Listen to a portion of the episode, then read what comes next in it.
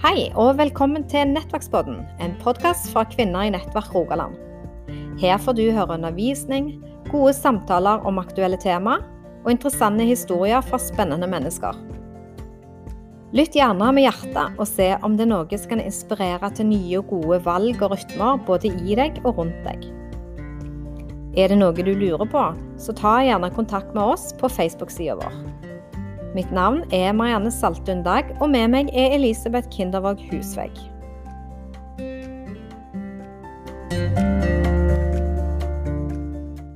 Da er vi endelig tilbake i podkasten Modus på Klepp i campingvognen til Marianne. Og nå er det lenge siden vi har vært i lag, Marianne. Ja, det er det. Åh, det er godt å være på plass igjen. Ja, det må jeg si. Ja, Vi har savna samværet i campingvogna, og nå skulle vi jo i grunnen være i lag på fredag, men så var det jo my bad at jeg hadde sitt eh, ikke fått med meg planleggingsdag i barnehagen. Og der var jo direkte utrydning, så da fikk vi heldigvis med oss både gjesten og innspillingen over helga. Så så hverdagslig. Så er hverdagslig. Tenk å glemme det. Vi er ganske der, for å si det sånn, at det kan skje. Så sånn er det. Eh, og vi har gledet oss enormt til å komme i hop i dag, for vi har fått besøk av ei, en lokale helt, får vi si. Eh, og dette er Liv Berit Heimstad Tønnesen. Velkommen. Tusen takk. du. Ja. Og du er altså ei dame som jeg eh, har sett så fram til å treffe.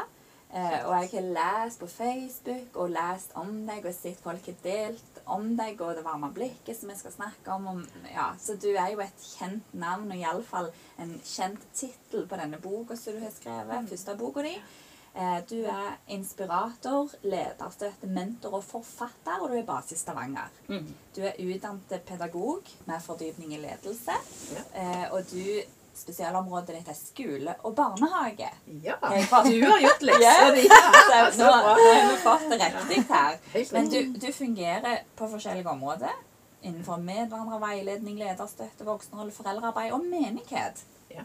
Så Menighet fan- Ja, fantastisk. Ja, så dette er damer vi skal få bli kjent med i dag, og høre hva du brenner for. Mm. Ja. Kjempe. Vi er så glad for at du kunne bli med i Berit. Tusen takk. Selv om det ble en bommert på, på dagen. Men du, jeg må jo si Altså, du er jo brennende opptatt av noen ting som berører oss alle på forskjellige tidspunkt i livet. I forskjellige epoker i livet. Og jeg må jo si jeg, jeg ble både gift og fikk unger i, i sein alder. Eh, og, og var jo selvfølgelig ikke like opptatt av dette her som går på barneoppdragelse, det som går på fokus på hvordan man lever hverdagslivet sitt med som familie og barn. Men når jeg fikk unger, da, altså, da forandra absolutt alt seg. Altså, Da handler det ikke så mye om hva jeg ville, men ting måtte få en ny form, nye kanaler. altså min, Mine interesser måtte kanaliseres igjen på en helt annen måte. Og det ble jo et helt annet liv. Fordi at det, det dreide seg ikke om min hverdag, mitt, eh, mitt prosjekt og det jeg Men alt nå handler om mine to små, og ikke minst min mann. Og jeg har jo fulgt litt med på deg, og jeg har lest eh, litt grann i boka di, og jeg må jo si at det, du har kasta deg ut i eh, et stort tema.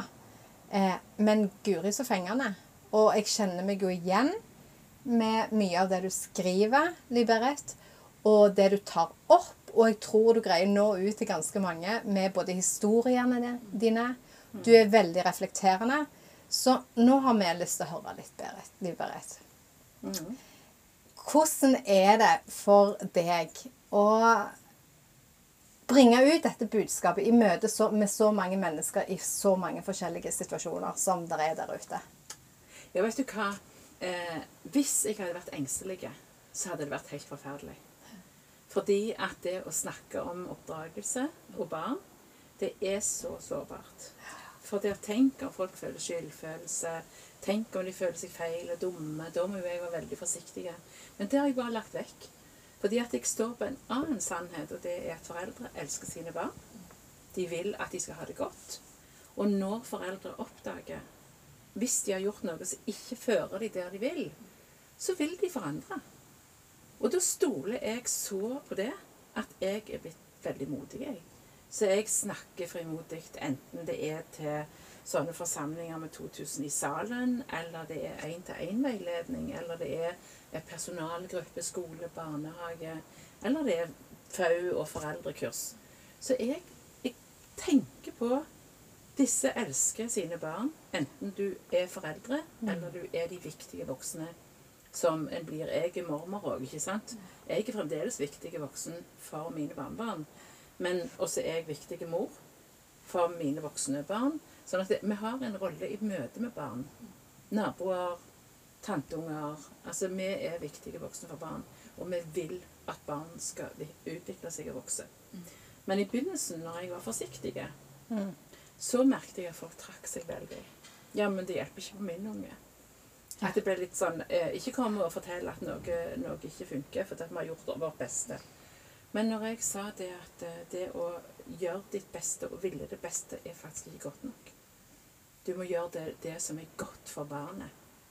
Og av og til så må vi strekke oss og klare å gjøre ting som vi i utgangspunktet ikke visste vi kunne. Fordi at ungene trenger det. Og da, når vi vet det, så begynner foreldre å styrke voksenmuskelen sin. Og det var jo det som skjedde i, altså i mars 2020, vet dere. Når korona plutselig kom og ble for ektig, og så stengte selv landet, og alle jobbene mine forsvant. Alle andres jobber omtrent forsvant. Alle satt med der innestengte. Og så var det jeg da bare bestemte meg for at jeg må hjelpe foreldre nå. For det var så kaotisk. Stakkars foreldre. Der satt de hjemme med, med unger. Så de skulle ha hjemmebarnehage, hjemmeskole og hjemmekontor.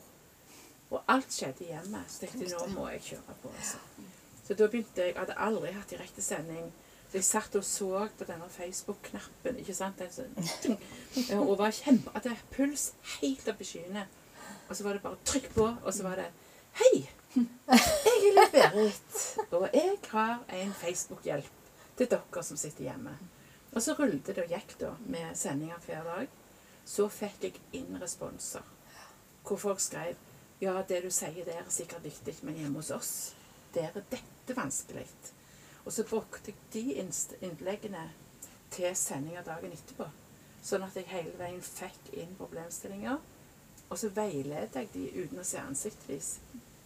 At jeg sa at jeg har fått en mail, og da fikk jeg lov. Altså, skriv dere til meg, så kommer jeg til å bruke det. Men jeg sier ikke hvem som har skrevet. Og da kunne jeg si at eh, jeg har fått inn et spørsmål om Og så leste jeg fra mailen. Og så, etter ganske kort tid, så begynte det å komme andre mailer, og det var Jeg gjorde det du sa. Og så ble det en helt annerledes dag. Hva var dette? Hm. Så sa jeg jo, for du har forandret holdning. For hvis jeg ser, Og dette en av de viktigste tingene jeg holder i bånd av det jeg snakker om, det er hvis jeg tenker om deg, Marianne, at du er frekk, ikke til å stole på, da får jeg et helt spesielt blikk på deg. Og jeg trekker meg ifra deg. Og jeg blir litt sånn eh, Jeg tolker det du sier ut ifra den tanken om at du er frekk og ikke til å stole på. Men hvis jeg ser etter gullet i deg, hvis jeg ser etter det gode i deg, selv om jeg aldri har møtt deg før, så vil jeg òg bli en annen i møte med deg. Og den kraften har vi overfor egne barn. Jeg syns det som du sier her, Libert, er veldig viktig. Og det er jo en av de tingene som du tar opp i denne boken her. Eh, for dere som er på YouTube, så ser du hvordan den ser ut. Der det handler om nettopp det å så få et nytt blikk. sant? Eh, og du, er du sier jo òg noe om at det, eh, det, det er ikke Det finnes ikke vanskelige barn, men barn som har det vanskelig. Og, og når på en en får se med det perspektivet istedenfor at man ser at det, å, han er så vanskelig, og hun gjør det bare vanskelig for meg. Og de gjør det igjen og igjen bare for Altså på en måte at det, fokuset ditt, det er med dette her. Hvordan er det jeg ser på mine barn i konfliktsituasjon, men og i fredstid? Altså på en måte i begge deler hele veien. At det er litt av kjernen i den endringen som du søker. Ja. Eh. Og så er, altså, boken heter jo 'Å velge det varme blikket'. Altså, det er ikke noe sånn som du sitter og tenker 'Nei, i dag orker jeg ikke, for jeg er så trøtt'. Det er heller sånn at 'Å, jeg er så trøtt. I dag holder det hardt å finne det'. Ja. Hvis jeg bommer, så får jeg lov å ha varmt blikk på meg. Eh, Så det ligger en sånn eh, Det ligger ikke inne at dette er en bok eller et budskap som heter du må alltid gjøre ting riktig, og hvis ikke, så går det galt. Men er, den nye starten er òg veldig sentrale i begge bøkene, både den som kommer nå, og den som kom for fem år siden. For dette, hvis jeg og dere skal strekke oss etter å gi ungene det de trenger, og tenke at de er ikke vanskelige, de har det vanskelig, noe har skjedd, så klarer vi ikke alltid. På noen dager har vi ikke perspektiv, vi får ikke til. Og etterpå, da, en time etterpå, så sitter vi Å nei, hva var det jeg gjorde? Nå fikk jeg det jo ikke til. Og så kan denne gamle sinnestemmen innover komme og si Ser du? Du er en dårlig mor, du er en dårlig far, du er en dårlig bestemor. Tenk at du behandler behandle ungene sine sånn. Men det å slippe til den skammen, det er med å lage så mye mørke. Og i stedet for tenker jeg ha klar den lille døren som heter tilgivelse. Og tenk heller at Oi, der bommet jeg. Og så sier jeg til barnet Vet du hva? Husker du hva jeg sa til deg i dag? At jeg var sint i øynene, og at jeg var sint i stemmen. Eller kjempelei meg i stemmen. Og så så jeg at det ikke var godt for deg. Jeg trenger å begynne helt om igjen. Er det greit for deg at jeg gjør det? Og gjett om ungene syns det er veldig greit. Tenk at voksne kan begynne om igjen. Og så er det det som er mirakelet. Det er at når vi gir oss sjøl den nye starten, så tar ungene det som en nøkkel fra dag én. Og jeg fikk masse mailer gjennom koronasendingene hvor foreldre skrev at med en gang jeg begynte å spørre om kan jeg få en ny start, dette ble helt feil, så sa ungene ja. Og hvor de rett etterpå sa mamma, nå ble alt feil, nå trenger jeg òg en ny start. For det er helt sånn konkret. Det er en handling. Det er ikke masse refleksjon og greier. Det er bare en handling. Nå begynner om igjen. Og, og når da vi som vet, kanskje har en tendens til å holde på bitterhet, holde på sinne, holde på den motstanden Når vi går sammen med barnet og begynner å lære de om tilgivelse på denne måten, som at det er en ny start, så får vi òg forandra våre tankemønstre. Så faller vi litt mer til ro. Og får barnet som læremester, for ungene tar dette på strak arm. Jeg tenker litt på det så du inn i det du sier der, at eh, sånn i min oppvekst eh, så var det jo ikke særlig vanlig verken hos oss eller andre rundt. Så jeg kan huske at eh, de voksne noen ganger gjorde noe galt. Sant vel? Eh, og liksom det å på en måte ydmyke seg kanskje, eller be om tilgivelse og sånt, det var jo mer eller mindre uvanlig. Ja.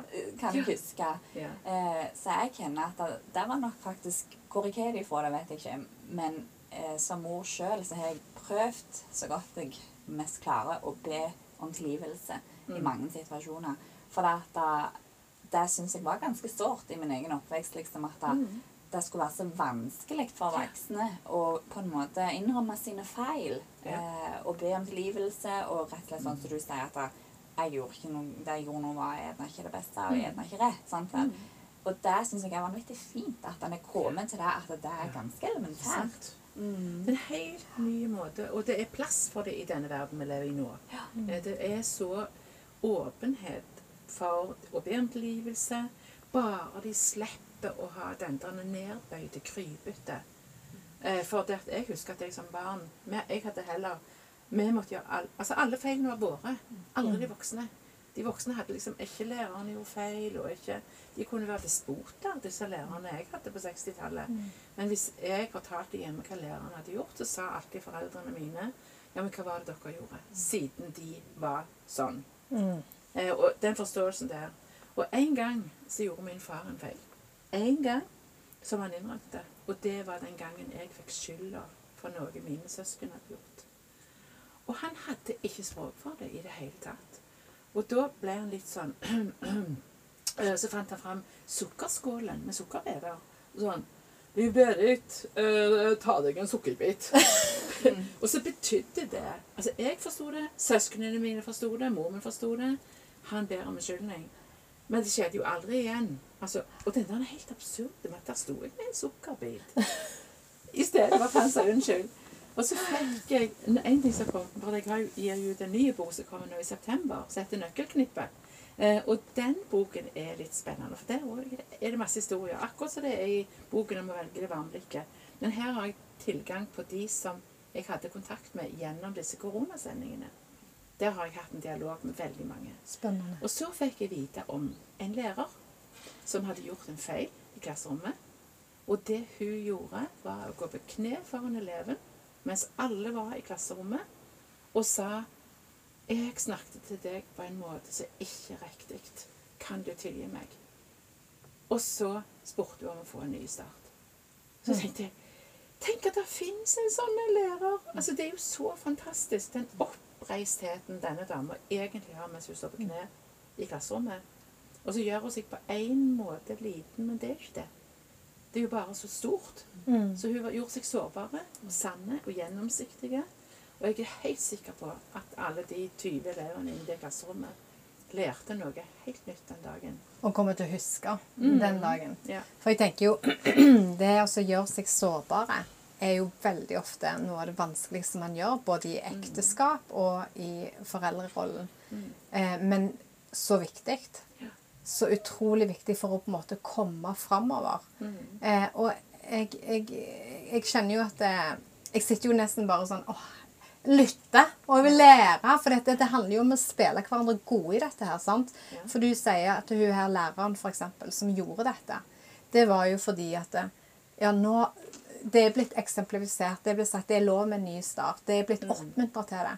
Og jeg tenker at eh, vi som foreldre, eller vi i de ulike generasjonene, kan få lov å høre fra dette her. Hva er det som er greit? Hva er det som er ikke greit? Hva er det som, for du er òg opptatt av at vi skal få finne bli bevisste våre egne holdninger og finne ut av at den kraften den kommer innenfra. Det, det er en indre drivkraft i det vi gjør. Det er ikke sånn ytre ting 'Dette er rett og galt', men vi finner ut av at det, 'dette står jeg for'. Ja. Og det med også, om man da feiler, så er det greit. For problemet er jo om man feiler, for det kan jeg kjenne meg sjøl igjen i, det er jo fordømmelsen. Og følelsene som kommer med fordømmelse at jeg har gjort noe galt. At jeg gjorde, jeg trådde over ting jeg ikke skulle ha gjort. Det er jo det som for min del blir vanskelig. Det er at det, den følelsen av at jeg feiler, og at jeg gjør det samme om igjen, og at jeg ikke strekker til, som jeg må ta tak i for å kunne skape en endring. Ja. Og- så er det jo òg det at eh, vi får lov å stå i speilet på en måte og spørre oss sjøl Vil jeg at mine barn skal ha den lange, tunge veien hvis de gjør noe galt? Eller vil jeg finne noe annet? At jeg jobber med meg, sånn at ungene mine slipper å gå en sånn tung vei. For det er så strevsomt. Fordømmelse. For den er jo automatisk. Det, det er bare Der er han i gang. Én tanke, ser han på. Og det å ha en alert, altså ha et system, verdisystem på innsiden, som er at når jeg oppdager det, og så var i morgen eller etter fem dager, da skal jeg gjøre noe med det. For jeg skal øve meg. Og da lager jo jeg en familiekultur. Og en familiekultur, den er ikke en regelverk. For regelbok, det er noe annet. Vi snakker ikke om det i det hele tatt her. For regler lager skam. Regler lager innenfor og utenfor. Regler lager applaus eller pekefinger. Så reglene er beinharde. Hvis, og mange av oss har levd etter det. Jeg, foreldre kommer og spør meg i dag Ikke i dag, men for tiden. Ja, ja. Så spør de hva skal vi gjøre når ungene har gjort sånn og sånn. Når de ikke lyver. Hva skal vi gjøre når de ikke vil sove? Hva skal vi gjøre? Så sier jeg Nei, si det, du. Det vet ikke jeg. For det kommer an på hva du vil. Hvis jeg, hvis jeg er nå Hvis jeg hadde vært 35 i dag og hadde hatt mine to barn og lært det som jeg har lært nå, som jeg ikke hadde lært når mine barn var små, så ville jeg heller ha stort Hva er det jeg vil med oppdragelsen, egentlig? Hva er det jeg vil for ungene? Vil jeg at de skal bli høflige og pene og rene i tøyet og bukken ikke neie, snu seg omkring? Er det det jeg vil? Vil jeg ha døtre som er bare sånn fint, det er bare hvis du vil det, er alt i orden. Eller vil jeg ha døtre med stemmer? Hva er det jeg vil? Vil jeg ha barn som forandrer verden? Og det vil jo jeg. Ja, Jeg det ja. er fantastisk. Check. Ja, når jeg begynte å spørre på foreldrekurs Hvem her inne vil at ungene skal bli høflige og oppføre seg fint? Så er det først ganske mange som sier jo det hørtes fint ut, så rekker de opp hånda. Men så begynner jeg å endre spørsmålene, og da blir det litt sånn Å, neimen det hørtes jo enda kjekkere ut. Og så sier jeg hvem vil at ungene deres skal ha gode fellesskap? Vite at dere alltid er der for dem. Vite at de alltid kan komme hjem. Vite at, altså Være trygge på innsiden. Så trygge at de sier fra hvis at det er løgner. Så trygge at de sier fra hvis noen mobbes i skolegården. Hvem vil ha sånne barn? Og da er det jo en skog av hender, da, ikke sant? For sier, men det er jo det vi vil. Mm. Og for å klare det, så må vi gjøre det som kreves.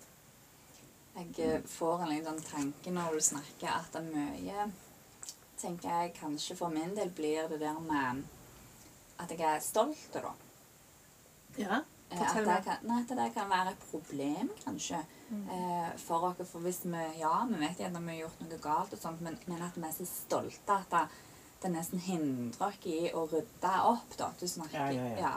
Eh, Mm, Da skjønner jeg hva du mener. Ja, hva, hva kan liksom Ja, er det Hvorfor er det så om å gjøre med den der stoltheten i oss? Hvorfor er det så vanskelig, liksom? Jeg tror, jo, jeg tror jo at det er noe av røttene våre. Mm. Det vi kommer fra. Hvis vi kommer fra en familiekultur, så hadde det sånn at alle skulle gjøre rett hele tiden. Hvis ikke du gjorde rett, så ble det husarrest, eller at konsekvenser med at du fikk ei krone mindre på lørdag, eller at, at du ble liksom skam, utskjemte. Eh, Fordi at eh, foreldre kanskje sa hadde du bare oppført deg sånn som søskenbarnet ditt. Da hadde alt vært så mye kjekkere. Altså, nå må du ta deg sammen. Hvis ikke du gjør dette skikkelig nå, så, så da kommer det inn Du får ikke hjelp til å takle som barn hva du skal gjøre når du, når du har gjort noe galt. For alle barn gjør galt. Og når jeg var liten, så var det ikke rom for at jeg skulle si hva jeg hadde gjort galt. For da ville konsekvensene veid mer enn smerten med det å innrømme det. Så jeg, jeg løy som en galen jeg da jeg var liten. For det var ikke rom for det. Hvis jeg hadde sagt du, jeg stjal tre kroner av deg i går, jeg, når jeg plutselig fikk lyst på godteri, vi aldri hadde det hjemme Jeg kunne jo ikke si det. Så, så da gikk jeg med den klumpen inni meg. Og da la jeg til meg sjøl en vane på å late som. Mens, og så sa det til og med på søndagsskolen at hvis du lyver, så får du svarte prikker på hjertet. Ja. Så jeg trodde jo at hjertet mitt var helt kålsvart. Ikke sant? Og at jeg var fortapt for øyetid. tid. Og så løy jeg i tillegg. Sant? Så jeg tenker at det er vi i dag som bestemmer hvordan ungene våre skal få det når de blir eldre. I dag, den kulturen vi har hjemme hos oss, har vi, gir vi et rom til hverandre hvor vi sier vi kan snakke sant selv om det er helt forferdelig, det vi skal si. Det har vi lov til. Og hvis vi skal begynne å be om unnskyldning, så kan vi oppleve det som en av lytterne sa, at hun opplevde at hjemme hos de, så kom varmen tilbake i det sekundet hun ba om en ny start. Men hva, hvordan responderer man da, Liv i en sånn situasjon, når du ønsker å skape den varmen hjemme?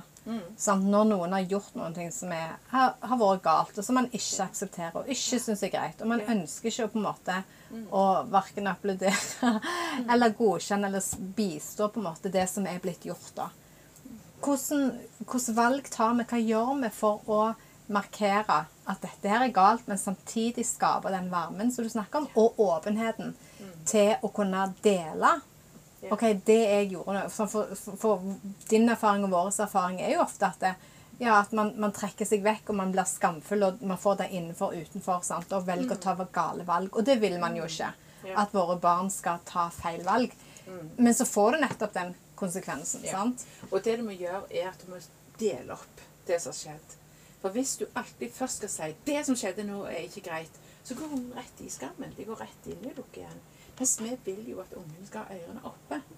Og det som skjer når unger har gjort noe galt, og forstår at det var galt For veldig ofte så aner de jo ikke at det var galt først. Fordi de var så frista, og så bare ga de etter, for de er barn. Altså De ga etter for en lyst, en følelse, noe som bare 1, 2, 3 så hadde de gjort det. Men det betyr ikke at det er et slemt barn som har blitt en tyv. Det betyr at her er det noen som ikke har kontroll på, på følelsene sine, ikke har kontroll på handlingene. Og hvis jeg da tenker at jeg skal alltid først snakke til barnet som en beste venn, og så vente handlingen og ansvarliggjøringen til etterpå. For det skal vi ikke la vekk, legge vekk. For hvis det var sånn at ja, ja, du ville jo ikke gjort det, så pytt sånn. det kan vi ikke gjøre. Vi skal jo ansvarliggjøre. Men du kan ikke ansvarliggjøre en unge som er full i følelser. De hører ikke etter. Ørene er stengt. De de er ikke klare til det, så må jeg få sånn, Nå begynner jeg å vifte med gipsen min. og venter på det. Li-Berit har trynt. Ja, jeg har trynt. Meg, meg og blåbærskogen. Her var jeg. Men nå jeg bruke begge hendene. Men hvis jeg lager en ramme rundt barnet som gjør at jeg tar imot barnet, alltid barnet først, så får jeg med hele pakken. Jeg får med alle følelsene, jeg får med alt sinnet. Og hør nå, hvis du var et lite barn da, som har gjort noe helt galt, og du ser hos meg i øynene mine at det du gjorde, var galt. For de er jo lynkjappe. De skjønner jo med en gang. Skal, vil du at de skal gjemme seg da? Eller vil du at de skal åpne seg opp? Og hvis du da får høre, ikke sant vel Oi, nå skjedde det noe. Fortell. Du kan ikke si 'Nå skjedde det noe, og det var helt forferdelig', 'og det må vi snakke om etterpå', for du vet, sånne ting har vi ikke lov til. Ikke i det hele tatt. Bare sørge for at mellom meg og barnet skal det være kontakt. Hva var det som skjedde? Og så ser du ofte at de bøyer hodet, ikke sant? At det blir en liten sånn Ja, men jeg hadde bare lyst til å Fortell mer hvorfor du hadde lyst til det. For jo mer informasjon vi får, jo flinkere blir jo vi til å ha en god samtale med barnet. Og så kan du si det en annen dag. Når det kommer en annen dag, det samme temaet oppe. Og så vet du hva? Når meg og deg snakket sammen, så var du så klok. For da sa du til meg at du ikke egentlig hadde lyst, men du klarte bare ikke å la være. Nå skal meg og deg øve på det. Vi skal øve på at du klarer å la være. Og så er det den enkeltes kreativitet som er med å bestemme det. Hvordan vil du øve på noe sånt? Jeg har anbefalt foreldre å lage sånne stoppløyker. Mm. Relaterer det til dette. Og så lage en, noen dager hvor altså, Si at det der borte ligger skoleballene alle skal få. Men det er en vei fram til vi skal få den. Og det handler om, den veien handler om å kunne klare å stoppe og lytte til det vi sier. Og så har vi kanskje sånn Stopp. At de skal høre etter den lille stemmen. For vi skal jo avvenne oss fra å brøle. Vi skal ikke være brølere. Det, Mm. det hjelper jo ingenting. Og det å ha sånne små stoppleker og snakke med ungene om Var det vanskelig å stoppe når du så den skoleballen? Men tenk at du klarte det. Jeg, nå har vi øvd nok. Spring og ta de og kos dere. Ferdig. Mm. At det bare, for at de skal få kontakt med sin hjerne, med sine armer og bein, med sin lyst. Og det, bare tenk hvordan vi strever sjøl. Det er kjempevanskelig. Mm. Og det er ikke sånn at det er ungene bare vi sier til dem Og nå må du huske at du får ikke lov en annen gang. Får ikke lov å gjøre det en annen gang. Så tror vi på en måte i vår naivitet at ungene bare vi har sagt det, så kan de gjøre akkurat det vi ba dem om. Vi klarer ikke det engang. Så vi kan ikke forvente av barn at de skal klare de tingene vi ikke klarer sjøl. Enormt flott å høre på deg, og det er så inspirerende. Eh, Takker. ja, jeg eh, vi, vi kunne jo hatt dette halve året med, med Liv Berit, tror jeg. Dette, Ja. altså, Du bare kommer her nå på jobben og framover. Men Ja. eh, det er liksom eh, Hvor mye kan vi ta opp på en episode? Men, men jeg, eh, jeg kjenner jo veldig på det der med at eh, det med kjefting Nå nevnte du det med brøling. Mm. Sant? Eller kjefting generelt. Og jeg leste en plass at du var en unge som du nevnte på, som hadde sagt at det å kjefte, det er å slå med stemmen. Sant? Det, er Det var en femåring som sa det. Ja, det traff jo meg så. Mm. Kan, kan, altså, så snakker du om familiekultur nå. Og så er du også nevnt på det med kjeftekultur. Sant? Å få rydda opp i det. Og det er noe som vi voksne har ansvaret for, sier du. Kan du snakke litt om dette med kjeft og kjeftekultur? For det er jo noe som er noe som vi vokser opp med. Sant? Ja. Som ligger litt i røttene, som du sier. Det er det. Mm. Og det å være sånne litt harde voksne Altså Hvis jeg forventer at unger skal lye, så vil jeg veldig ofte kjefte hvis de ikke lyer. For det å lye og kjeft, de bor i det samme huset. Det er den samme kulturen. Hvis jeg sier at men jeg skal ikke ha en sånn kultur, jeg, da må jeg bygge noe annet. Da må jeg lete etter noe. For det der med den femåringen, den danske femåringen som hadde sagt det, at det, når voks, voksne som slår med stemmen Og da skjønner jo alle som hører det, skjønner at å, hjelp, det vil jo ikke jeg. Jeg husker det sjøl. Når mine foreldre, eller min far, da, når han kjefta, det var helt forferdelig. Og skammen bare så glødde seg til. Og det var en sånn en, eh, Det var så mange bilder den når jeg var liten på 60-tallet, på hvordan barn skulle oppføre seg, hva som var snille barn og gilde barn og ikke gilde barn. Eh, og det har festa seg i meg og forma meg i min mors rolle. Og når jeg da, mens ungene mine var over bikka ti, så jeg var 11, 12, 13, 14, da var det jeg begynte å forstå at å, kjære vene, hva de holder på med? Jeg står jo ikke for dette. Dette vil jeg jo ikke. Og det var fordi jeg hadde lest meg opp. Jeg hadde fylt opp mellom ørene. Jeg hadde fått nye tanker om det å være mor. Nye tanker om det å ha barn. Jeg lærte nytt om barnet, hva et barn er. Og så så jeg at når jeg krenker barn, og så forventer etterpå at barnet skal ha tillit til meg, da er jeg på feil klode, altså. Jeg mista tilliten til mine foreldre, for å være helt ærlig. Eh, Og det gikk så langt at nå skal jeg si noe som er dønn ærlig.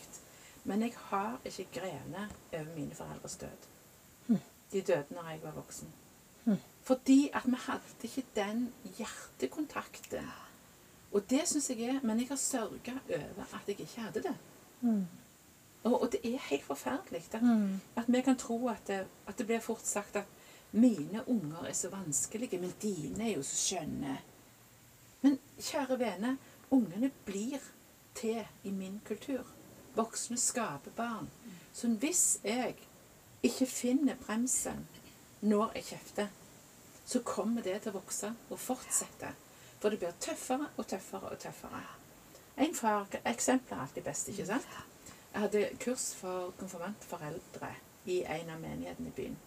Og så eh, sa jeg vel til dem at eh, hvis du eh, tenker liksom at der ble de tenåringer, og så går du ut og sier nå er, nå er det trass, og nå er det motstand, og nå er det sånn, og så begynner du å snakke til dem som om at de er frekke, snakke til dem som om at de er ute for å manipulere, så vil ungene dine vende seg ifra deg. De vil søke vekk. Hvis du alltid sier nei. Eh, og så var det en far som fikk en enorm aha-opplevelse. For han hadde vært begynt med det den datteren. Men det han hadde før, var en enorm nærhet. Han og datteren hadde et sånn hjerte-hjerte-forhold. De hadde det så godt sammen. Han var så trygg med henne, og hun var trygg med han. Og så kom dette tenåringen. Hun begynte å bli litt krass med han. Så tålte han ikke det. Hun skulle oppføre seg fint og snakke fint til han. Sånn snakker du ikke til meg, for jeg er far din. Og så mister han nærheten. På dette kurset eh, så har jeg fått mail da, via hun kateketen i denne menigheten. Så skrev han kan du skrive til hun dama og si at jeg har fått et helt nytt forhold til datteren min. Jeg har fått det tilbake, for nå er hun unge, og vi er mer likeverdige. Og da gikk han hjem og ba om tilgivelse. Og sa at vet du hva, jeg har snakket til deg som om at du vil meg vondt. Og det er jo aldri sant. Kan du tilgi meg? Og så sa hun selvfølgelig klart jeg kan, pappa. Jeg òg har vært dumme. For jeg òg har jo vært hard. Og det er sånn det blir. Så denne kjeftekulturen er noe vi faktisk velger. Selv om det kommer så fort som et lyn, så er det et valg. Det er ikke ungene sin skyld, det er vårt ansvar. Jeg tenker jo eh, Dette her er jo utrolig viktig på en måte å få eh, At det får synke ned i vår, bevissthet om hvordan dette her er et valg. Fordi at det, det kommer jo impulsivt. sant? Ja, dette her med å kjefte. sant? Og det er sånn som du sier. Jeg syns det er veldig bra. Jeg sitter litt der og bare Mer, jeg skulle hatt en penn og skrevet notater. jeg. Eh, men, men fordi at, at det bygger på seg. Det, det, det er mye lettere istedenfor å gripe det. For det jeg hører litt, så er det jo relasjon framfor regler. sant? At en fokuserer på relasjonen og ser Og jeg merker jo det på mine gutter òg. At i de, når jeg henter meg sjøl inn og begynner å jobbe inn mot relasjonen, så blir valg tatt ut ifra at nå er det en gjensidig respekt her basert på en relasjon, istedenfor at det, nå er det noen regler som handler om rett og galt. Og jeg sjøl som person så er jeg opptatt av det. Og det tror jeg generelt selvfølgelig foreldre er opptatt av at våre unger skal gjøre det som er bra, det som er riktig, og være empatisk, og de skal være på en måte, de skal være hele denne pakka. Det er jo drømmegreier for oss alle som foreldre. Og i den vandringen så blir det veldig naturlig for oss å reagere når det blir gjort noe som ikke er riktig.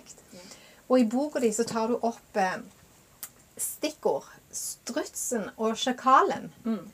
Eh, og det syns jeg jo er veldig bra, bra bilder, og det er veldig relevant. Og jeg føler jo at jeg befinner meg litt eh, midt inni begge altså, Da må jo jeg spørre hva er det? Ja, jeg, jeg, det er det hun skal få lov å fortelle. Hva strutsen og sjakalen er. Ja, det er godt spurt. For Ja. bare å bygge det opp, så interessen blir så stor. at- Nei, Nei, men for det er liksom det, disse to grøftene, da, som jeg tror vi alle ser i, rundt omkring, og du har en del eksempler. Ja. Kan du, Hva er strutsen og sjakalen, Ja. Liv Berit? Tenk dere at eh, det er den alminnelige hverdagen når vi er på vårt alminneligste, roligste, fredeligste jeg. Altså vi er bare oss sjøl. Så har vi overskudd til å takle ting som skjer. Og da er vi veldig ofte balanserte. Og det, i fagspråket så heter det autoritativ. Det fagspråket sier autoritativ, og det har ingenting med autoritær å gjøre. Er autoritativ et eget ord. Og når du er autoritativ, så er du både varme og tydelig samtidig. Men med en gang vi blir utsatt for press, eller har dårlig tid, eller er stressa, eller har sovet for lite i natt, så har vi en tendens til å vippes ut forbi denne sunne veien. Og da kan vi dette i den ene grøften, hvor vi blir ettergivende. Og da blir vi strutser. Vi stikker hodet i sanden, og så tenker vi Å, det er så mye mas. Jeg vet ikke om jeg orker at ungene skal Nei, nei, nei. nei. Jeg får det, Kom igjen en annen gang. Å, gå ut, og så sier du kanskje Kan dere ikke bare gå ut og leke? Kan dere ikke bare gå ut og Ja, ja, ta det på kjøkkenet. Spis dere kvalme på godteri. Helt fint. Altså at en liksom mister den tryggheten på å sette de sunne grensene. For når du er på midten på denne veien og er autoritativ, da er det logisk å sette sånne sunne grenser. Så ja, du kan ta to, men ikke tre. Ja, Hvis de ikke er modne nok til å stoppe på to, ja, så deler du ut to. Altså, da, Hvis ikke er modne nok til å finne egne bremser, så tar han ansvar for det. Legger to til deg og to til deg. Hører dere den? At den voksne alltid Men den andre grøften, den er jo helt annerledes. For det er denne kjeftegrøften. Det er den autoritære. Og den kan du kalle for sjakalen. I ørkenen så er det noen ekle dyr som er åtseldyr, som heter sjakaler. De snerrer, de spiser åtsel, eh, og de er ikke mye kjekke. Og vår åtselspising, det er kjeften. Det er når vi glemmer at de er barn. Vi glemmer at vi elsker dem. Vi glemmer at de er sårbare. Og så tenker vi bare 'Det der gjør du ikke mot meg'. Og så blir vi sånne troll. Og jeg kjenner i meg. Men så når jeg da vet at Jeg spør f.eks. på kurs hvor mange her vet at dere faller i sjakalgrøften, og den gir jeg en farge rød. Hvem vet at de dette i rød grøft? Så er det en skog av hender. Veldig mange fedre. Og så spør jeg hvem av dere vet at dere detter i, i strutsegrøften og blir ettergivende? En skog med hender. Og så spør jeg hvem av dere går i begge grøftene. Det kommer bare an på hva dag det er, hva unge det er, hva tid på dagen det er. En skog med hender. Og dette er det foreldre gjør. Altså Dette kunne beskrive. Alt vi gjør som vi ikke står for, handler om å være utenfor det. Men hvis jeg skal prøve Si at jeg har vært en kjefteperson. Så kan det være at jeg helt korrekt går opp på den autoritative, den trygge plassen. Men jeg syns det høres så tillite ut. Og så føler jeg på en måte at nå har jeg vært ettergivende. Men her trenger du ikke, på midten så trenger du ikke brøle. Du trenger ikke ha det rare blikket. Du kan bare være helt alminnelig. Og unger elsker det. Og vi er helt alminnelige. Skal jeg lese en historie om dette? Ja, veldig gjerne. Fra den nye boken. Hva heter den nye boka di? 'Nøkkelknippet'. Berit? Nøkkelknippe. Nøkkelknippe. Og den kommer snart ut. Ja, i september. Fortellinger som åpner mellom foreldre og barn. Og så er det ei mor som har en nøkkel, da. Og den nøkkelen hennes heter å ta imot hele barnet uansett. Og så forteller hun. Før jeg fikk barn, var jeg sikker på at jeg ville bli en god mor. Jeg er rolig og tålmodig av natur, og jeg elsker barn. Venner med barn fortalte at de kunne bli så sinte at de ville knuse noe. Nå vet jeg hva det sinnet er. Det har knust mitt hjerte. Gang på gang. Vi har to barn under tre år, og den eldste er verdens skjønneste lille jente. Men jeg vet ikke hva jeg skal gjøre når hun gjør noe galt mot andre barn eller mot meg. Hvem skulle trodd at jeg skulle bli en mor som skjemmer bort og gir ungene alt det de vil ha, fordi jeg ikke vil være hard. Og da hører dere hun er så redd for å bli autoritære at hun er ettergivende. Mm. Og så vet ikke hun at det er noe midt imellom. Det er sagt at lydige barn er bra, så det vil jeg ha. Men hvordan får jeg det? Må jeg kjøre på med harde konsekvenser og kreve at de skal lystre meg? Men det vil jeg jo ikke. Jeg har ikke visst hva jeg skal gjøre. Så begynte jeg å lese i boken. Hun fant den altså i kottet, denne boken. Jeg begynte å lese i boken og velge det varme blikket. Og jo mer jeg lærer, jo mer ser jeg barna og meg på en god måte. Hver gang jeg har lest mer, så står jeg og ser på dem mens de sover. Og jeg får lyst til å vekke dem og være en god mamma som ser på dem på den gode måten. Unnskyld, den må jeg få den opp igjen. Og så etter et år, da, spurte jeg henne det, altså dette, er først, dette jeg leser nå, var i mars 2020. Og det jeg leser nå, er fra mars 2021. Jeg har tatt et viktig valg. Det viktigste jeg kan gjøre for ungene, er å ta imot dem uansett hva de føler eller gjør. For meg står valget mellom å avvise eller ta imot. Når jeg husker, og det er tanken du forteller om, når jeg husker at de trenger meg, blir jeg trygg. Og da tåler jeg dem. Min eldste datter er nå blitt seks år. Hun er full av sterke følelser. Og mannen min spør du, er det normalt? Og sjøl tror jeg hun er innenfor normalen, men det er så krevende å møte så sterke og så negative følelser. Men jeg kan ikke glemme det jeg har lært om å ta imot hele barnet. At vi ikke bare tar imot et problem. Vi tar imot hele barnet og alt det er. Jeg visste det var sant. Det er helbredende å bli tatt imot. Jeg husker begge deler fra egen barndom. Hvordan det var å bli tatt imot, og hvordan det var å bli avvist. Når jeg slo meg, så sa de ja, ja, opp igjen. Men det ble jo ikke godt. Nå vet jeg at jeg bare hadde trengt bitte litt trøst, for det var faktisk vondt å slå knærne. Og sånn en trøst er det jeg vil gi mine barn. Og nylig, og så forteller du et eksempel som jeg skal avslutte med. Nylig fikk jeg ta imot datteren vår på syv midt i en krise. 100 dager på skolen skulle feires. Hun gleda seg enormt. Det var som 17. mai, bursdag og jul samtidig. Læreren hadde nok overdrevet hvor fantastisk det skulle bli, og datteren vår hadde enorme forventninger. Og da hun kom hjem, var det krise. Dagen hadde ikke blitt det hun trodde, og hun brøt sammen. Sorgen var stor og lyden intens. Min første tanke var at jeg orker ikke denne hylingen, og jeg har ikke tid heller. Dersom jeg hadde fulgt denne tanken, så ville jeg brukt den strenge stemmen. Men nå ble det sånn. Vi kan ikke ha denne hylingen. Gå på rommet og grin ferdig.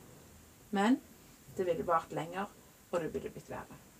I stedet pusta jeg med magen og slapp det jeg hadde i hendene. Hun fikk full oppmerksomhet. Jeg spurte hva som hadde skjedd. Men hun fortalte, så ga jeg små bekreftelser. 'Å nei, du som hadde gleda deg så mye.' 'Å, jeg forstår du ble lei deg.' Og jeg òg hadde jo blitt lei meg da. Bare grin, du. Jeg er jo her med deg. Og det var nesten magisk, forteller denne moren. Etter et par minutter med snufs og prat snudde det. Jeg hadde ingen løsninger, bare forståelse og mottakelse. Humøret snudde, og etterpå har hun ikke snakket om det. Hører dere at dette er renselse? Mm. Og så er det helt alminnelig. Og det begynner med en trygg mor. En mor som ikke har krav om at du skal oppføre seg fint, du skal få alt til, ungene skal oppføre seg fint, det skal være så gildt. Og, og da blir du bare skuffa. Og så det som mange gjør da når de er i det kjøttlandskapet, de er skamfulle fordi de ikke sjøl har fått det til. Og at de kanskje tenker at eh, ja, men jeg fikk det jo ikke til, men da er det ikke min skyld, det er ungen sin skyld. Hadde ikke, at ungen, og så blir det en sånn forskyvning hvor eh, barnet får en rolle som de rett og slett ikke tåler. Men dette barnet her har fått en helt ny hverdag fordi at mor og òg far har funnet den der rolige tryggheten. At de er det som er så voksne. Dette tar vi. Det er litt mye styr, men dette takler vi. Og så er de faktisk trygge. Jeg, eh, det der er noe som jeg tror Jeg hørte det sikkert. Jeg hører av og til på dette Focus on the Family fra USA. Eh, veldig fint nå, mye forskjellige folk inne. Og der husker jeg akkurat det som du sier der. Der beit jeg meg merke i at eh, når vi er i en situasjon, så er det vi som er voksne. Sant? I forhold til at hvis ungen tar helt av og klikker, med som sagt, og, og, og så skal vi liksom gjøre det samme. Sånn at vi òg begynner med sagt, altså at det skal få være en forskjell der. ok, Den reagerer sånn, for den eh, klarer ikke på den måten å kontrollere følelsene og sånn og sånn. Men så skal vi få lov å ikke speile ungen, men som sagt, de skal få lov å se at vi klarer å ta imot dem. Og øve på det, altså. Det har vært en liten greie for meg. For Ja. at jeg kan jo mange ganger bare fike litt i, ja, i været sjøl hvis det, er at det, det er kaos, liksom. Og, eh, og det der òg som eh, Ja, at de Du har sagt en gang at barna må få fra oss det de sjøl mangler. Mm. Og hvis jeg da bare gjør likt som dem, og spiller videre på det som de holder på med, så får jo ikke de lære av meg ok, hvordan i grunnen kan vi håndtere det- dette her. Ja. For det, er, det ligger òg med den gamle tenken, måten å tenke om barn på. Det er hvem har skylda nå? Mm. Hvem begynte? Og så peker vi på en bitte liten unge på to og et halvt og sier at hadde ikke den ungen oppført seg fint, så hadde ikke den gjort alt dette tullet, så ville vi hatt en fin dag. Men det er jo min måte å agere på den på to og et halvt år. Eh, og så spør foreldrene gjerne ja, men mener du at det er vi som skylda da? Så nei, det er ikke, vi snakker ikke om skyld. Vi snakker kun om ansvaret. Hvem har ansvaret for å snu en dårlig dag til godt? Og hvem har ansvaret for å, sånn som du sier, å lage det speilet istedenfor å gå inn i barnet sitt speil? For jeg er vel mer Det er mer med meg enn barnet. Fordi at jeg har ansvarligheten. Jeg er voksen. Jeg har øvd meg på et liv. Barnet er ferskt og nytt. Og vi skal hjelpe dem til å få det til. Og det å stå i det speilet, da, og la ungene få komme til oss i vårt speil For det er jo mange foreldre som eksploderer fordi at ungene sier 'dumme deg', og så spenner de i foten og, og vil ikke. Og det er ubehagelig. Det er forferdelig ubehagelig. Men det å øve seg da på å være den som setter seg ned og sier 'Da har ikke du det bra når du, når du tenker det', for jeg vet at du elsker meg som bare det. Men noe har skjedd. Hva skjedde? Vil du fortelle meg det? Hvis ikke de er der ennå, så sier jeg 'Kom an, vær hos meg mens du er sinte'. Ikke gå på rommet. Vær her heller. Så begynn med bare. Finn en ende å begynne i. Jeg, jeg, jeg, ble jo liksom, jeg ble fascinert av det, liksom, for dette, du går jo hele veien. For nå er jo både meg og Elisabeth og mange av lytterne våre er jo i den situasjonen vi står midt oppi. sant? Akkurat disse derene. Og det er sånn umiddelbart I, i mitt eget liv så tenker jeg umiddelbart konsekvens.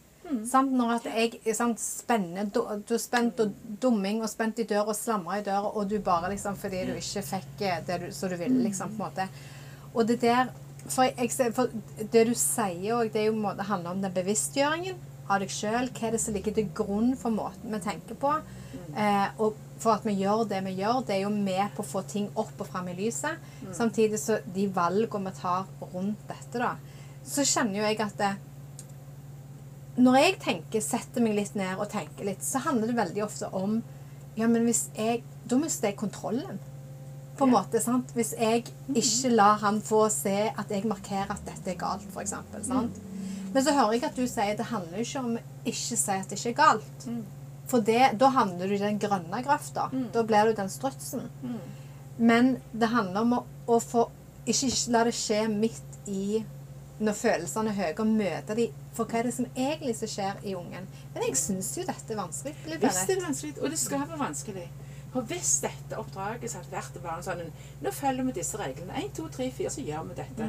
Det hadde jo vært så naivt. For barn er født ulike. Har du fire barn, så har du fire forskjellige responser. Du har fire forskjellige reaksjoner hos barnet. Hvis du tenker her skal vi ha, Og konsekvenser har jo sammen med regler. Altså har vi konsekvens dette, får, dette må få konsekvenser. Du skal Min far delte jo konsekvenser hele tiden. Og jeg var redd han, jeg. Mm. og jeg husker barnehjertet mitt som slo som en fuglevinge. eh, og var så utrolig redd. For hva var det nå jeg gjorde galt som jeg ikke visste hva var? Jeg husker jeg tenkte det. Hva var det nå jeg har gjort som jeg ikke visste om? Eh, For at, at jeg var så redd stemmen hans og konsekvensene og søsknene mine når de fikk konsekvenser. Det var så skummelt. Men å tenke at hvis Sett at foreldre setter seg ned og snakker sammen, eller vennegrupper, og sier Sett at vi aldri skal kjøre en eneste konsekvens gjennom hele oppdragelsen til ungene. La vi bare prøve å tenke tanken. Hva må vi da gjøre i stedet? For vi vil jo ikke at de skal gjøre alt mulig. Og da er det Det jeg har funnet fram til, er festlige Det, ja. Men det som vi da treng, trenger å tenke, er ikke straffende konsekvenser, men logiske konsekvenser. Yes. Og det er en helt annen verden. En logisk konsekvens er hvis det er minus ti grader ute, og ungen vil gå ut med bare T-skjorte og småsko, så trenger vi ikke se- å få barnet til å godta at det skal ha jakke på, for det bestemmer vi. Altså, vi trenger ikke si å, det hadde vært fint om du tok på deg eh, den dunjakken, for dette, du skjønner, det er vinter ute nå. Så er det nei, jeg vil ikke ha dunjakke. Å ja, men vær så snill. Da er vi jo egentlig ettergivende. Så spør vi om barnet har lyst til å være med på å bli oppdratt litt i dag. Og det er jo helt absurd. Men hvis jeg vet Det er jeg er voksen. Det er ikke snakk om at mitt barn skal gå ut med, med, uten dynjakke, for det er kaldt. Og hvorfor har ikke jeg lov da, uten at det er voldelig, å gå til barnet mitt og si OK, løfte barnet opp og gå vekk fra gangen. Da venter vi til du er klar til å ta på dynjakken. For du kan ikke gå ut uten dynjakke, for det er kaldt. Det er logisk. sant? En logisk konsekvens. Og hvis du har tenker de logiske konsekvensene, så det er med å bygge barnet. Det er med å bygge forståelsen. Og det holder meg rota. Det holder meg ryddig. Men hvis jeg skal tenke 'Dette kan jeg ikke godta', da blir jo barnet min motstander. Og hvis jeg tror at et barn skal samarbeide med meg fordi jeg er sint, da er jeg på en farlig vei. Det er ikke sånn oppdragelse vi vil ha. Kan jeg skyte inn en liten der? Når du snakker om denne som går ut eh, med eller uten jakke. Det jeg hadde gjort der, det var at jeg hadde sagt gå ut på trappa, og så kjenner du sjøl. Og så kan vi snakkes etterpå hva som er smart å ta på seg. Mm. For at jeg gidder liksom ikke argumentere. Sånn Ja. de får bare gå ut og kjenne sjøl, liksom. Ja. Eh, en annen ting som jeg er liksom litt på nå for tida, at eh, for eksempel hvis vi skal på skolen Hun eldste ikke meg, det er det verste hun vet, er å komme for seint. Men hvis hun ikke har satt opp skoene sine og jakkene og huet og alt det der på rette plass, og vi da ikke finner det, Mm. så er liksom det siste nye jeg prøver litt på nå, for hun er så stor, er at da, OK, hvis du da ikke vet hvor det er, så er det ditt problem. Sorry. Nå må du bare lete. Er de den gangen? Er det der? Har du hevet de feil skuffer? Har du ikke gadd å rydde opp etter deg, liksom? Ja, men da er det to, to perspektiver. Det okay. ene er det akutte. Ja. Skal på skolen. Mm. OK, vi har ti minutter igjen. ja. Eh, skoleveien tar så og så lenge, så du har to minutter igjen til å rydde. Ja. Jeg håper du til å Men så er det jo mer da Er det greit liksom at jeg bare faktisk sitter og hun bare må lete fram dette sjøl, for at hun da skal forstå viktigheten av å legge ting litt på plass neste gang, så vi slipper å bli for Jeg, seine? jeg jeg, skjønner ikke poenget med det. Det må være litt Er de i stand til å forstå det? Det er liksom litt hvor eh, gammel er du? ti år. Ja, herlig. En tiåring kan ikke Ja. bli statsminister. De er jo så smarte. Men det som det handler om, er Mm. at du skal ikke betjene henne som Nei. en ettergivende mor. Nei, nettopp. OK, da skal jeg gjøre det, da. Mm. Men du skal snakke med henne Mm. etter, hjem fra skolen. Der kom det rolige øyeblikket. Mm. Vet du hva som jeg så skjedde i morges? Det var at fordi du ikke hadde satt det klar, så ble det en urolig morgen. Mm. For både deg og meg. Mm. Hva må vi gjøre i kveld for at det skal bli bedre i morgen tidlig? For faren er jo at jeg bare finner det sjøl til Ja, ja, ja, og det vil du jo ikke. Nei. Nei, men jeg tenker, vi må tenke at alt skal ikke ordnes i dag. Mm. Vi holder på å bygge over tid. Så det er onsdag kvelden, ok. Men jeg har sett i løpet av denne uka at det har blitt altfor mye sånn irritasjon om morgenen. At du blir stressa fordi du ikke finner det. Mm. Vi må være smarte. Ja. Hva skal vi gjøre for at det funker? Mm. Og det var sånn som en familie eh, som var med på den boken om det varme blikket, de hadde hatt veldig mye uro rundt rydding av rom. Veldig sånn 'Nå går du, og nå går du, og hvis ikke du går, så' Og så så de at dette ikke var med og bygde den familiekulturen de ville ha. Og dermed så stoppet de opp og sa Hør, rom må vaskes, må ryddes hver uke. Men hva skal vi gjøre for at det blir kjekt? Og vet du hva minstemann kommer på? Han sier 'Å, kan vi ikke hjelpe hverandre?' Mm. Og så sa de 'Hva, gjør vi da?' Jo, og så begynte de å hjelpe hverandre. Hva for et rom startet vi på? Og de hadde tre unger. Så begynte de kanskje med storebror sitt rom. Og gikk alle inn, og så spurte de storebror 'Hvordan vil du ha det denne gangen? Hva kan vi hjelpe deg med?' Og så sa han 'Kanskje kan dere ta det og det'. Og så visste han sjøl hvordan han ville ha det. Og så lagde de et måltid midt inne. Da var det én dag da, så de satte av til ryddedag. Så hadde de et måltid sammen for å feire at nå har vi rydda. De lagde sin kultur, og de fant De voksne, da. Det var de som fikk den store premien.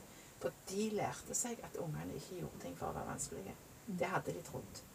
Far hadde temperament som var bare rett til himmels.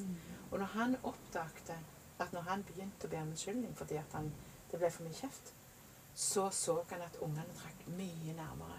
Så kom de helt tett inn på han. Så fikk han masse godhet fra ungene. Og det er jo Aksel Snop. Mm. Det er jo ingenting så deiligere enn at ungene får vist kjærligheten til oss. Og det var en ren takknemlighetshandling for minstemann hos han at kranglingen ble slutt. Og masingen ble slutt. Ja. Men de, de, altså, det er kanskje det eneste, det eneste hjem i hele Stavanger som gjør det akkurat sånn. Men de fant en nydelig måte å gjøre det på. Og da tenker jeg at som en tenkende mor, da, og ansvarlig mor som ikke vil være i grøften, så får du lov å spørre deg sjøl hva må jeg gjøre for å lede mitt barns morgen? Barnet ditt skjønner ingenting ved at du sitter på en stol og markerer. Ja, nå må du finne. Kan du tenke deg, Din tid går jo på og nesten være trassige. Det blir en form for avstand og trass. Klar deg sjøl, jenta mi. Hva tror du ser henne om ti år, da? Når hun er 20 år og skal lede et ungdomsarbeid og skal klare alt helt alene. Og slår seg sjøl på innsiden fordi hun ikke gjorde alt klart dagen før. Så vi skal hjelpe ungene at det er Altså, i familien, hva vil dere? Hvis dere vet at det vi vil i vår familie, er å hjelpe hverandre. Ingen skal måtte slåss alene. Så, så vil det være med på Den bestemmelsen vil være med på å bestemme ja, men hvordan skal vi gjøre det da om morgenen. Det handler ikke om hva dere gjør om morgenen. Det handler om hva dere har blitt enige om på forhånd. For å hjelpe en, den bedre morgenen. Og det, det finner alle ut av. Alle som har prøvd, finner en bedre morgen. Men ikke fordi de gjør det som jeg sier, men fordi de finner noe som de vil Selv, Ikke sant? Også at man tar tiden til det, tenker jeg. For det, det er jo noe jeg hører i dette her, at det handler faktisk om å sette seg ned, ta tid til å finne løsninger, være bevisste på sine valg, eh, på hvordan en gjør det. Og så òg, som du nevnte sånn som her i slutten der, at det, det er noen ting med at, det, at barna har det vanskelig, at det ikke er vanskelig som du på en måte har som en sånn slags line. da. Sant? Fordi at det, utgangspunktet blir da at det, hvis de er vanskelige, så er de irriterende, de er krevende, de må, bli, de må skapes en endring. Og vi kjefter. Men hvis vi ser det at ok, de, de er barn, jeg er en voksen, eh, og de har et problem eller utfordring som vi kan være behjelpelige med, eh, det tror jeg er veldig viktig. Og jeg må jo si, Li Berit, at det har vært ufattelig kjekt å ha deg med her. Og, og vi, eh, vet jeg, tror både meg og Elisabeth og mange som sitter og lytter på, kunne sittet og hørt på eh, ganske mye av det du forteller. Kan jeg Eh, få lov til å fortelle en gang dere kan få høre? Ja, veldig gjerne. Ja. Det er noe som heter Vi-appen. Vi-appen, ja. Vi-appen er det ei brennende dame i Bergen som heter Rakel Elgen, som har oppretta. Det er 40 000 unike brukere av denne Vi-appen. Og det er en samlivsapp som er gratis. Og så har de da inviterer til foreldrekurs med meg 26. august klokka 19.30. Og da koster det 150 kroner for å melde seg på. Og det blir en sånn en, eh, Det blir en sånn intern sak for de som kjøper billetten. Vi. Jeg har den, ser du. Ja, Yes. bruker du den? Jeg har ikke kommet så langt ennå. Nei, det er fantastisk arbeid. Og det skal du, ja. bli bedre etter hver. Og ha et seminar, og det koster 150 kroner Ja. å være med på. Ja. Og det tenker jeg Har dere lyst til å høre mer av Li Berit, eh, så kjøp gjerne bøkene. Bli med på dette her. Fordi Mm. jeg tror, for min egen del i hvert fall, så merker jeg at bevisstgjøringen rundt mine egne eh, tanker, mot mitt tankegods, mitt mønster og mine holdninger, det er det som er med på å sette i gang den retningen mot en endring som jeg veldig gjerne vil ha. For jeg faller jo veldig mye i disse gruene som du forteller om, og jeg ønsker jo så veldig mye å være den gode mammaen sant? som alle andre vil være. Så jeg oppfordrer dere alle til å, å lytte, og ikke minst denne podkasten. Nå er jo majoriteten eh, damer, fall på Spotify, som vi ser. Men del denne appen med bestefedre, med pappaer og med brødre. For dette her treng, dette er prinsipper i livet som Det er eh, ikke damegreier. det er ikke damegreier. Nei. Dette her er noe det, Uansett alder eh, så handler jo det, Generelt så handler jo ting om relasjoner. Uansett. Ja. Så dette her er noen som alle kan eh, høre. Og del denne her eh, episoden denne gangen. Få det ut på Facebook-sidene deres. Del YouTuben, de- del Spotify-en. Hvis det er noen som du vet disse trenger å høre dette, for det er jo brennaktuelt tema, så del det. Har du spørsmål, så er det bare å ta kontakt med oss, sånn som tidligere. Både på Facebook og på um, andre, andre. Vi har Instagram, vi har Snapchat, og du kan også finne noe på TikTok. Ja. Det er ikke, det er ikke en plass vi ikke er. Og Liv Berit kan vi helt sikkert også få lov å ta kontakt med, Ja. regner jeg med. Ja. Foretrekker du e-post, eller er det Facebook? Ja, altså, eller? jeg har en, eh, en Facebook-side. Nå tar jeg Jeg har to offentlige. Så den ene tar jeg vekk. Så nå er det ved Forfatterliv Berit Heimstad Rakt ut. Ja. Eh, det er siden, og der forholder jeg meg til innboksmeldinger. Men jeg gir ikke gratis veiledning. Det gjør jeg ikke, for dette er jobben min. Eh, sånn at jeg har eh, Jeg er veldig utvelgende med hvem jeg sier svarer. Fordi at jeg har ikke krefter og tid. Jeg er en eldre kvinne. Hvem skulle tro? Ja, ja, hvem skulle tro? Men kan jeg få lov å si noe til, til seerne her? Ja. så god. Ja. Vet du hva, Jeg har veldig behov for å si at jeg vet at dere elsker deres barn. Og jeg vet at dere vil det beste for deres barn. Og de gangene du strever med å gjøre det du egentlig står for, ikke bruk tiden på å skamme deg. Ikke bruk tiden til å ligge under dyna og tenke 'Å nei, har jeg ødelagt barnet mitt?' Sett i gang og reparer. Og det gjør du rett og slett ved å si 'Å nei, hva var det jeg gjorde nå?' Det står jeg ikke for. Jeg trenger å begynne om igjen. Og så er du med og sier klart ifra at det jeg sa til deg i stad, det er ikke riktig å si til barn 'unnskyld, jeg vil begynne om igjen'. Og så lærer barnet ditt av deg hva som er skikkelige verdier. Og hvis du ikke får det til, så er den boken 'Å velge det varme blikket' og den nye nøkkelknippet sånne små nøkler som du kan bruke for å bli flinkere sjøl. For i begge disse bøkene så finner du fantastiske fortellinger ifra foreldre som har gått den lange veien sjøl. Og da blir din vei litt kortere når du har gått i. Så lykke til. Fantastisk. Fantastisk å lære av hverandre og alle de eksemplene og alt du deler. Det er jo derfor vi har hverandre. Vi er jo litt sånn medvandrere hele gjengen. Ikke sant? Ja, og medvandrere, det betyr at jeg er ikke mer enn deg. Du er ikke mer enn meg. Vi går sammen. Med det så takker vi Libert for at du ble med oss. Og lykke til videre med utgivelse av en ny bok og det som du står i, Libert. Kjempespennende. Og takk Nydelig. for at du kom til oss. Tusen takk for besøk i campingvognen. Ja. Det ble campingtur i år. ja.